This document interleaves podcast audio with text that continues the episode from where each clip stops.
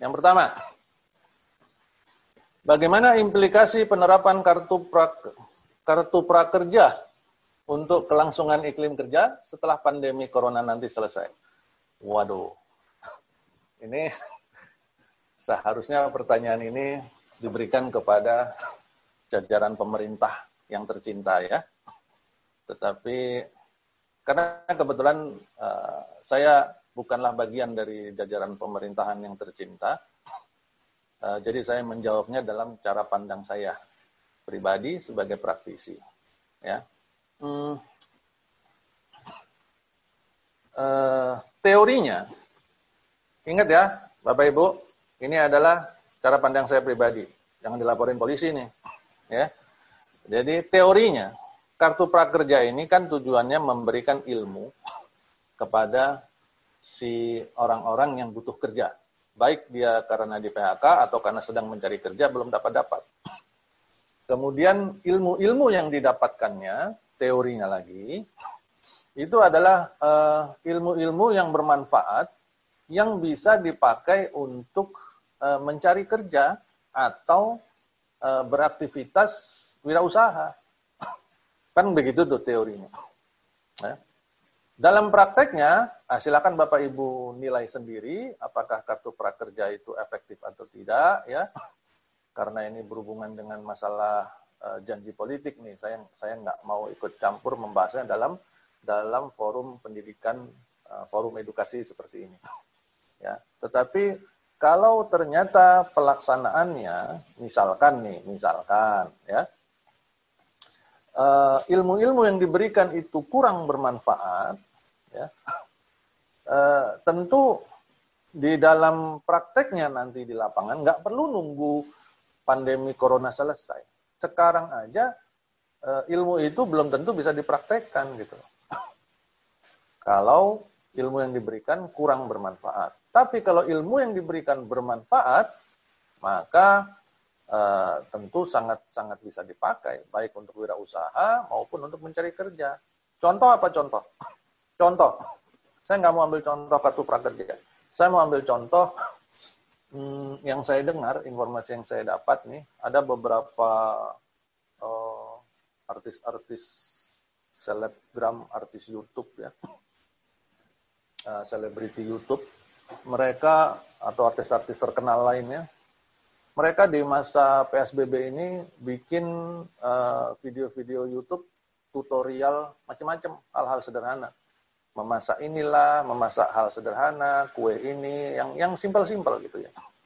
Dan itu di-share ke YouTube secara gratis. Kan YouTube gratis kita. Modalnya kan cuma pulsa doang kan? Kuota. Ya. Uh, kalau kita nempel di uh, apa namanya tempat yang ada wifi gratis ya udah dapat kita kita bisa download di YouTube. Nah uh, ilmu itu menurut saya sangat bermanfaat dan banyak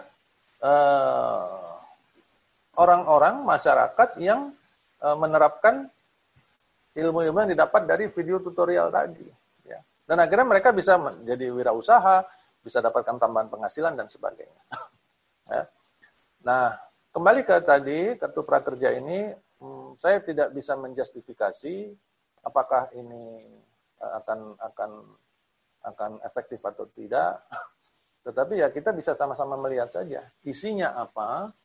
Kalau teorinya sih bagus, tapi dalam prakteknya bagaimana kita bisa melihat kalau memang itu bagus maka seharusnya jadi bagus.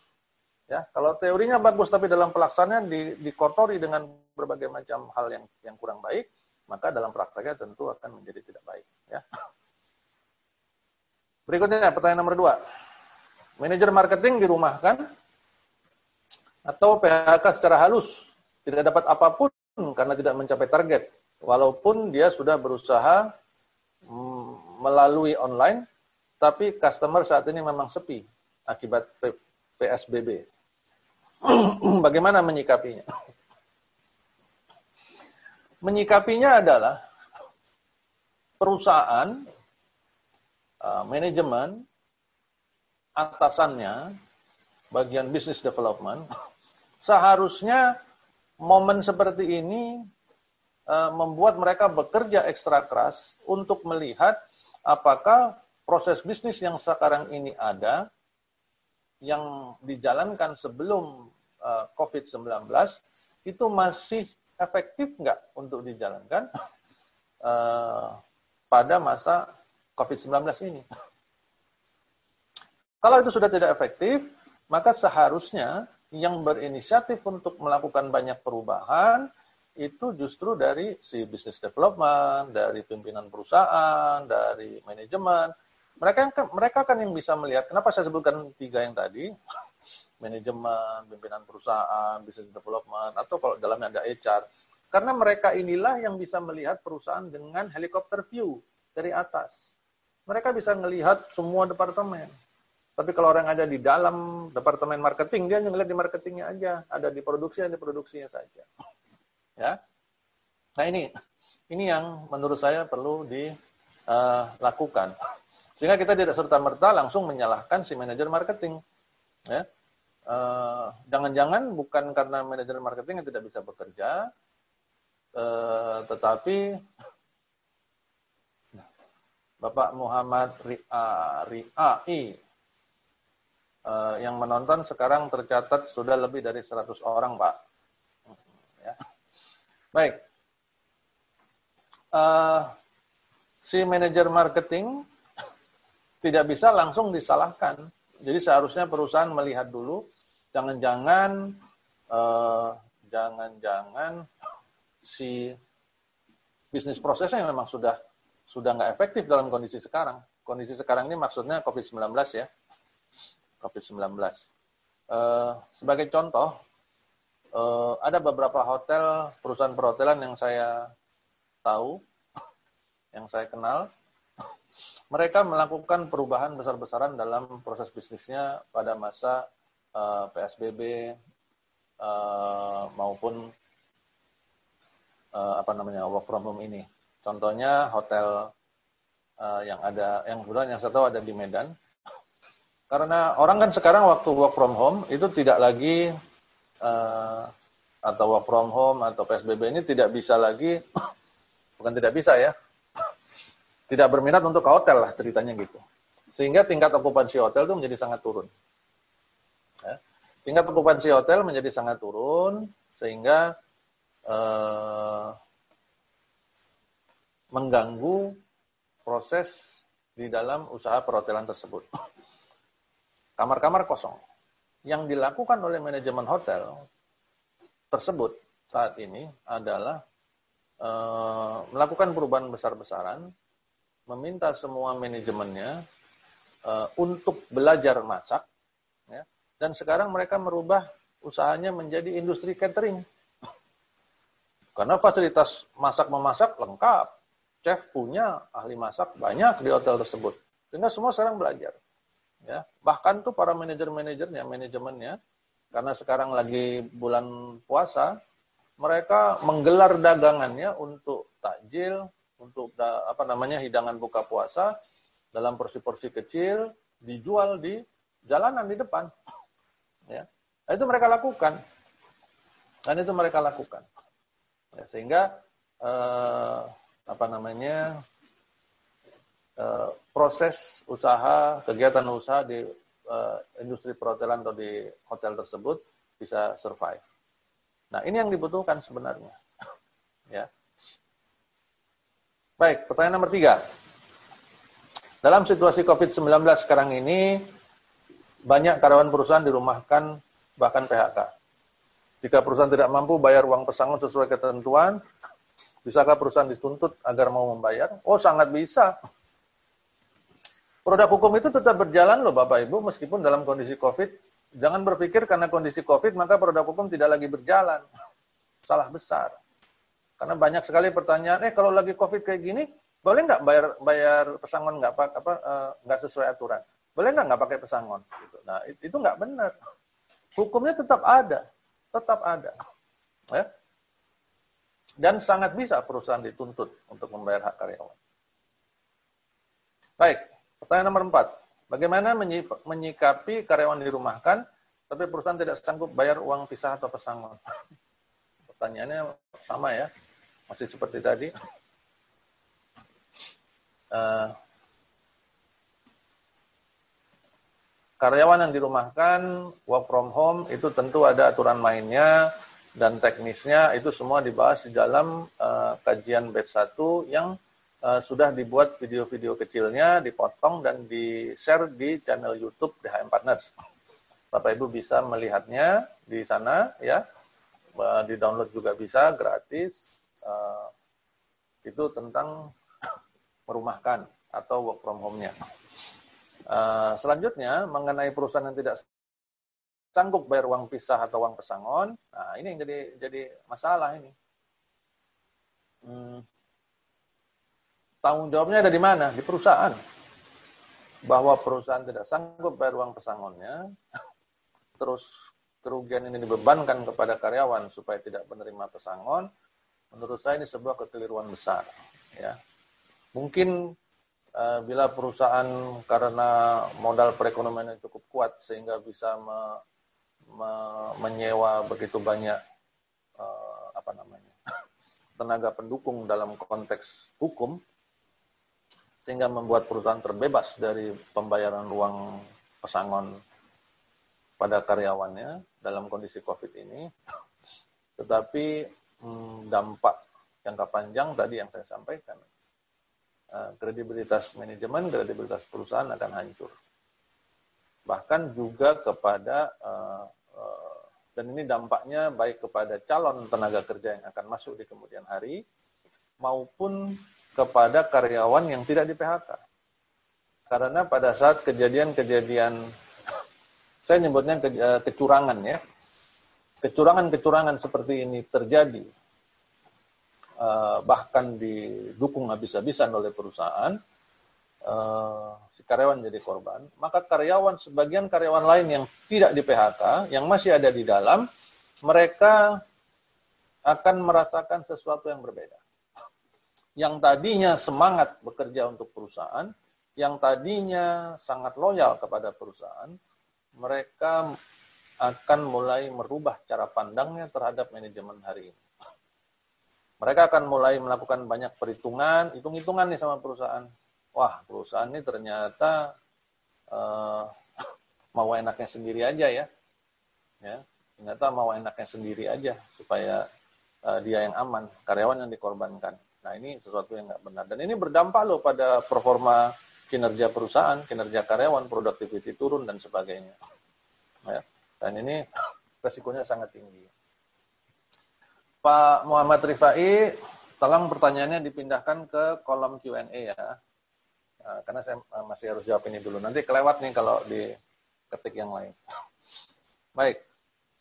Jadi itu yang perlu diperhatikan Bapak Ibu ya sehingga, nah, tapi kalau perusahaan nggak sanggup kemudian melakukan diskusi dengan karyawan mencoba mencari kesepakatan, silahkan. Carilah kesepakatannya. Kalau sepakat, ya silahkan. Buatlah PB-nya, daftarkan di PHI. E, eh, namun, menurut saya itu tidak akan e, tidak cukup untuk menyelamatkan kredibilitas manajemen di mata karyawan yang lain. Karena karyawan lain kan nggak tahu kesepakatan-kesepakatan pribadi itu. Ya. Yang mereka tahu adalah aturannya begini, kalau si karyawan di PHK karena begini, maka dia harusnya dibayar segini. Ternyata dia nggak terima, harusnya dibayar, misalkan harusnya dibayar 50 juta. Ternyata dia cuma dibayar 5 juta. Gitu. Nah, kan nggak semua orang tahu. Maka berkembanglah diskusi di mana-mana, gosip lah dan sebagainya. Eh, sehingga akhirnya eh, perasaan mereka semangat mereka untuk bekerja menjadi menurun. Apalagi kalau si karyawan itu ngomong ke rumahnya masing-masing, ngomong sama keluarganya, ngomong sama istrinya. Oh, tadi itu ya ada temennya ada temennya papa tuh dipecat gini-gini nggak dibayar gini. Wah, istrinya udah sibuk aja udah ribut aja kan. Udah, kalau gitu siap-siap cari kerjaan tempat lain, tinggalin aja perusahaan. Udah, nggak usah pulang malam-malam. Pokoknya jam kerja langsung pulang dan sebagainya. Ya kayak gitu tuh. Udah makin heboh kan. Dan ini yang nanggung nanti siapa? Perusahaan sendiri. In the long run, perusahaan akan kesulitan. Belum lagi kalau nanti setelah selesai kondisi COVID, pada saat mulai melakukan rekrutmen, maka karyawan-karyawan yang akan yang akan uh, melamar pekerjaan, mereka biasanya juga mencari tahu bagaimana riwayat perusahaan ini dan sebagainya ya. Mereka mencari tahu.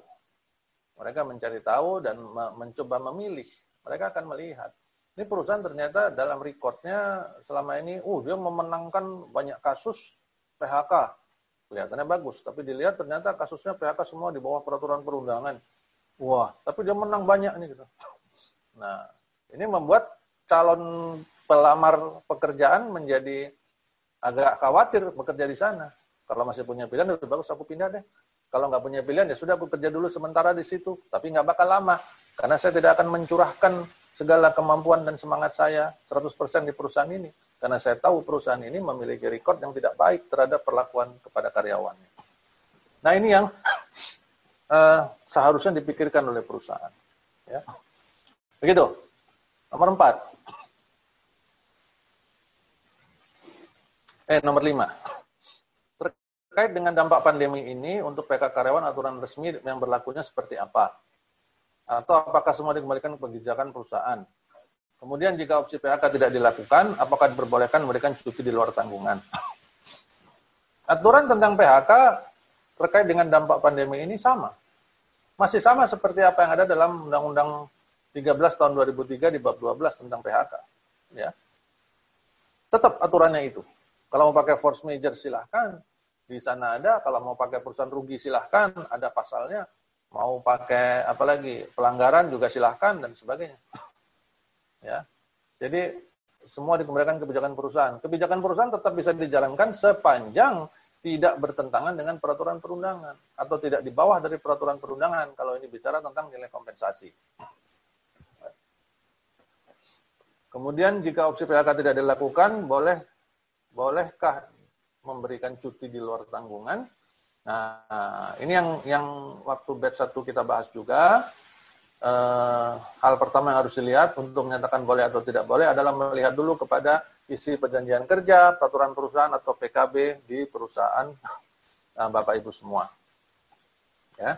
Eh, bagaimana mengatur tentang cuti di luar tanggungan? Kalau itu sudah ada, silahkan dijalankan sesuai aturan itu.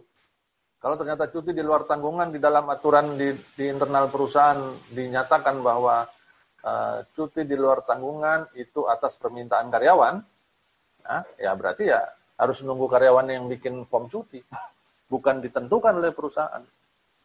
Itu hal pertama.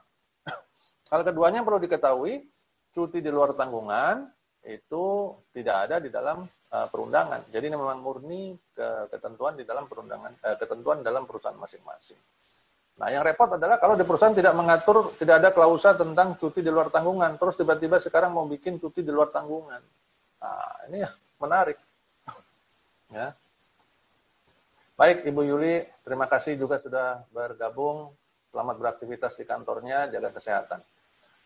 Uh, baik, kita di pertanyaan nomor 5, sekarang pertanyaan nomor 6.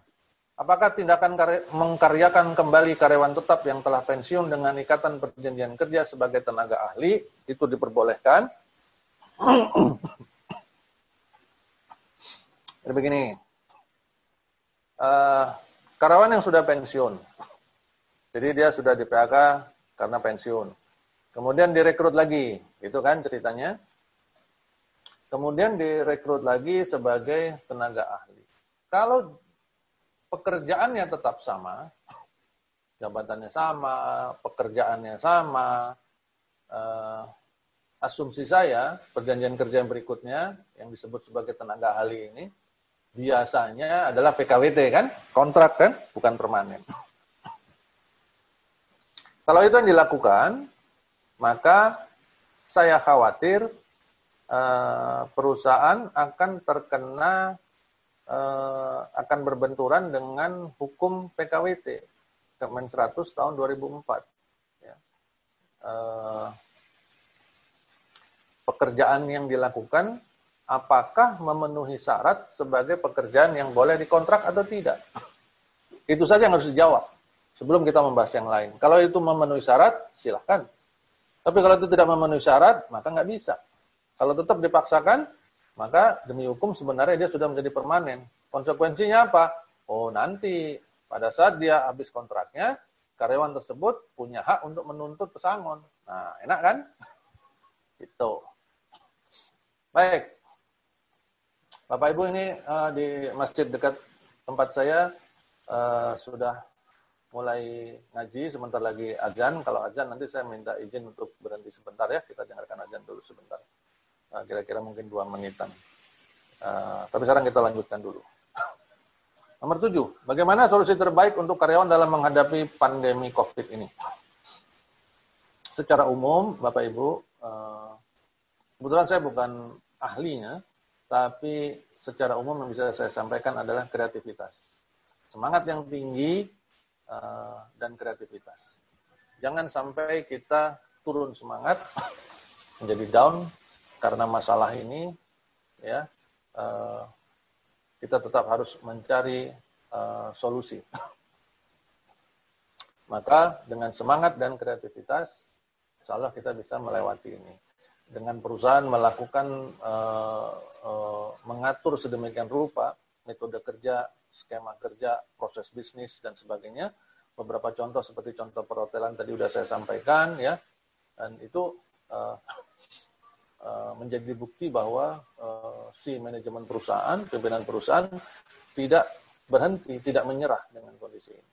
Ya. Karyawannya pun tidak menyerah. Buktinya manajemen yang levelnya manajer ke atas tadi GM, mereka mau belajar masak dan justru mereka lah yang disuruh uh, jualan di pinggir jalan. Bukan karyawan-karyawan di level bawah. Justru si manajemen yang turun ke pinggir jalan untuk pada pakai jas jualan gitu, ya. Itu yang mereka lakukan di sana. Ya, Pak Dery hadir. Uh, berikutnya nomor 8. Karyawan dirumahkan karena perusahaan tidak mampu. Oke, Pak Dery kalau mau nanya silahkan uh, ketik di kolom Q&A. Q&A ya. Tidak mampu bertahan di tengah corona, bagaimana sistem upahnya? Kalau perusahaan tidak mampu bertahan, nggak harus di tengah corona, sebelum corona kemarin ataupun setelah corona nanti, ya sudah, PHK aja. Kalau perusahaan nggak mampu bertahan, tutup aja perusahaannya. Tapi penuhi uh, hak-haknya karyawan. ya Dipenuhi. Yang jadi masalah itu kan perusahaan tidak mau memenuhi hak karyawan. Itu yang jadi masalah hukum biasanya. Ya. Nomor 9, PSBB. Retail bergerak di bidang bangunan. Jika ingin tetap buka, bagaimana mekanismenya? Wah, ini saya sudah jadi kayak konsultan proses bisnis nih. Baiklah. Kurang lebih begini, saya mencoba membayangkan retail bergerak di bidang bahan bangunan. Uh, kita bisa mencoba menggunakan the sistem online, uh, pamflet, kemudian the, lebih mendekati kepada customer. Contohnya retail retail yang menjual bahan-bahan kebutuhan pokok nih, supermarket-supermarket. Mereka sekarang go online. Mereka buru-buru bikin apa namanya websitenya untuk online, delivery-delivery dan sebagainya. Maka nggak cuma retail di bidang itu, perusahaan-perusahaan FMCG sekarang bikin langsung dari pabrik itu.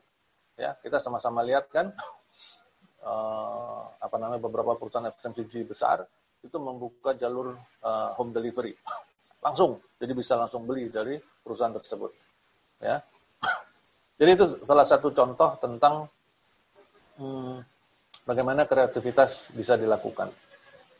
Ya kemudian nomor 10 bagaimana cara yang tepat dalam memutus kontrak karyawan di masa pandemik sedangkan kontrak masih berlaku sampai bulan Desember cara yang tepat adalah membayar sisa kontraknya Pak Bu oke okay? itulah cara yang tepat membayar sisa kontraknya selesaikan baik-baik. Ya. Selesaikan baik-baik. Kalau kita masih mau pertahankan, pertahankan baik-baik. Kalau kita memang sudah tidak mau pertahankan lagi dengan berbagai alasan, maka selesaikan baik-baik. Itu yang menjadi penting bagi kita. Nomor 11. Bagaimana penerapan pasal 164 Undang-Undang Tenaga Kerja dengan Kepres 12 tahun 2020 tentang bencana non-alam COVID-19 sebagai bencana nasional, apakah bisa di-apply? Silakan kalau perusahaan mau menggunakan itu. Tapi ingat ya Bapak Ibu pasal 164 itu ada kata kuncinya loh, perusahaan tutup, perusahaan tutup, perusahaan tutup. Ya. Jadi kalau perusahaan yang nggak tutup, saya kok merasa itu adalah sebuah pelanggaran. Ya. Tentu yang bisa menjustifikasi itu melanggar atau tidak adalah Bapak Hakim yang terhormat, bukan saya.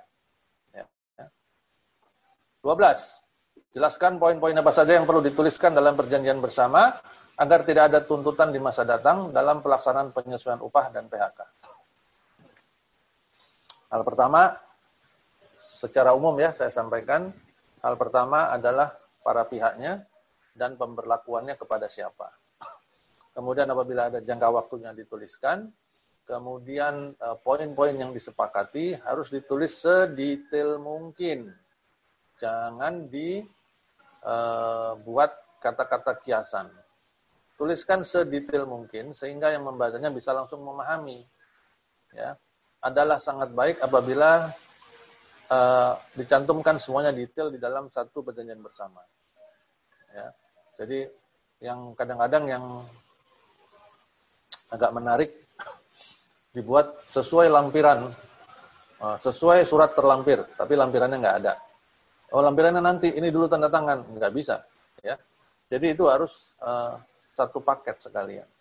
Ya, apabila ada referensi perundangannya ditulis, apabila ada referensi terhadap PKB atau peraturan perusahaan ditulis juga. Ya. Kemudian tanda tangan para pihak, ya setelah itu perjanjian bersamanya didaftarkan di Panitera Pengadilan Hubungan Industrial setempat. Itu ya. Nomor 13 sekarang. Jika ingin PHK karyawan dengan kesalahan, namun karyawan defense. Oh, karyawannya melawan. Ngotot. Ya PHK saja. Sepanjang karyawannya, eh, sepanjang perusahaan memiliki bukti yang cukup, yang kuat tentang kesalahan tersebut, maka panggil karyawannya, sampaikan e, kesalahannya apa, sampaikan apa yang dilanggar, dan sampaikan konsekuensinya adalah PHK. Terlepas dari karyawan mau menerima atau tidak, ya PHK saja. PHK saja, nggak apa-apa. Dan sampaikan kepada yang yang yang sangat saya sarankan dalam proses PHK Bapak Ibu adalah kita sebagai HR e, pada saat melakukan PHK harus menyampaikan kepada si karyawan uh, bahwa karyawan punya hak untuk tidak menerima uh, dan kasih tahu caranya kalau nggak menerima. Kalau tidak menerima, silahkan membuat pengaduan kepada uh, disnaker setempat. ya, apabila saya melakukan PHK karyawan, itu yang biasa saya lakukan. Bahkan saya kasih nomor teleponnya, saya kasih alamatnya, saya kasih tahu ke gedungnya gedung ini nanti menemui bagian ini di sini ada nama-nama ini, silakan pilih salah satu. Ya. Sehingga karyawan merasa uh, tidak tidak dikerjain gitu loh ya. Nah, uh, ini yang penting keterbukaan transparansi seperti ini yang penting uh, untuk membuat si karyawan berpikir. Ya, jadi kalau karyawan punya kesalahan mau di PHK, tapi karyawan yang ngotot, ya sudah PHK aja, nggak apa-apa kok. Terima kasih kembali Bapak atau Ibu Paula ini? Pertanyaan nomor 12. Nah, itu dia. Nomor 14 sekarang. Kita sebagai HRGA yang tugas di dalamnya ada tugas IR. Penyelesaian hubungan industrial antara tenaga kerja pelaut atau kru laut dengan perusahaan, apakah menggunakan undang-undang ketenaga kerjaan atau undang-undang kelautan? Baik. Ada beberapa kekhususan ya Bapak Ibu. Uh, tentang kita sekarang fokus bicara tentang uh, pelaut nih. Ya. Yang masuk dalam kategori pelaut itu adalah mereka yang memiliki uh, apa namanya? buku sijil namanya. Ya. Itu buku pelaut itu ya. Dengan catatan buku itu memang asli ya. Karena banyak juga yang beredar aspal asli tapi palsu ya udah disiapin beli segala macam ya kayak macam surat dokter lah yang bisa ditemukan di daerah tertentu di Jakarta ini. Ya. Kemudian the buku sijil yang memang resmi yang memang asli ya yang memang sesuai dengan peraturan perundangan maka si pelaut itu akan tunduk kepada undang-undang kelautan dulu. Segala ketentuannya. Termasuk nih salah satunya yang penting ya Bapak Ibu perlu ketahui perjanjian kerja mereka itu uh, menggunakan sistem yang berbeda. Perjanjian kerja mereka itu menggunakan formulir khusus, tidak bisa di, dimodifikasi apa pun. Formulir khusus yang didapatkan di uh, sah bandar setempat. ya.